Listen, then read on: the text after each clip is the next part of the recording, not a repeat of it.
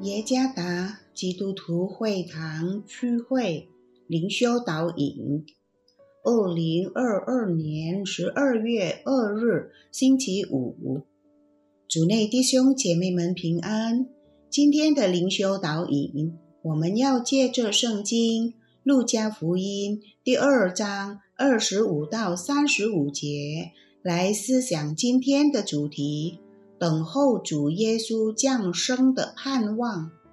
作者林金仙传道。路加福音第二章二十五到三十五节，在耶路撒冷有一个人名叫西面，这人又公义又虔诚，素常盼望以色列的安慰者来到，又有圣灵在他身上。他得了圣灵的启示，知道自己未死以前必看见主所立的基督。他受了圣灵的感动，进入圣殿，正遇见耶稣的父母抱着孩子进来，要照律法的规矩办理。西面就用手接过他来，称颂神说：“主啊！”如今可以照你的话释放仆人安然去世，因为我的眼睛已经看见你的救恩，就是你在万民面前所预备的，是照亮外邦人的光，又是你民以色列的荣耀。孩子的父母因这论耶稣的话就稀奇。西面给他们祝福，又对孩子的母亲玛利亚说：“这孩子贝利是要叫以色列中许多人跌倒，许多人兴起，又要做毁谤的画饼，叫许多人心里的意念显露出来。你自己的心也要被刀刺透。” The Terminal 是史蒂文斯皮尔伯格导演的一部剧情片，描述一个人被困在机场候机室的故事。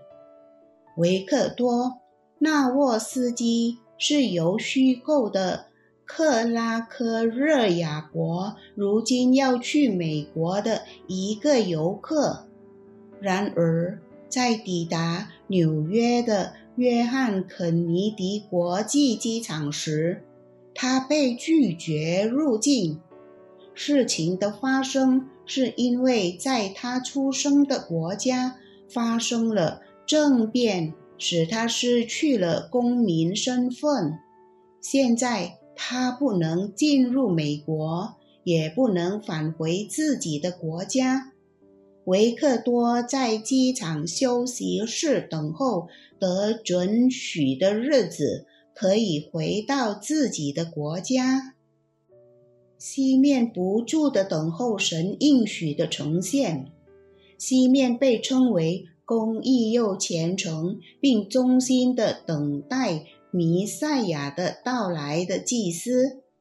他相信神透过圣灵向他启示的应许，那就是在他未看见拯救以色列和外邦人的弥赛亚之前，他不会死。西面漫长的等待结束了，在圣灵的引导下，他进入圣殿，遇见了约瑟和玛利亚。正按照犹太人的传统，带着婴孩耶稣进来。西面以赞美和极大的喜悦迎接这孩子的到来。他与救世主弥赛亚相遇后，他安然去世。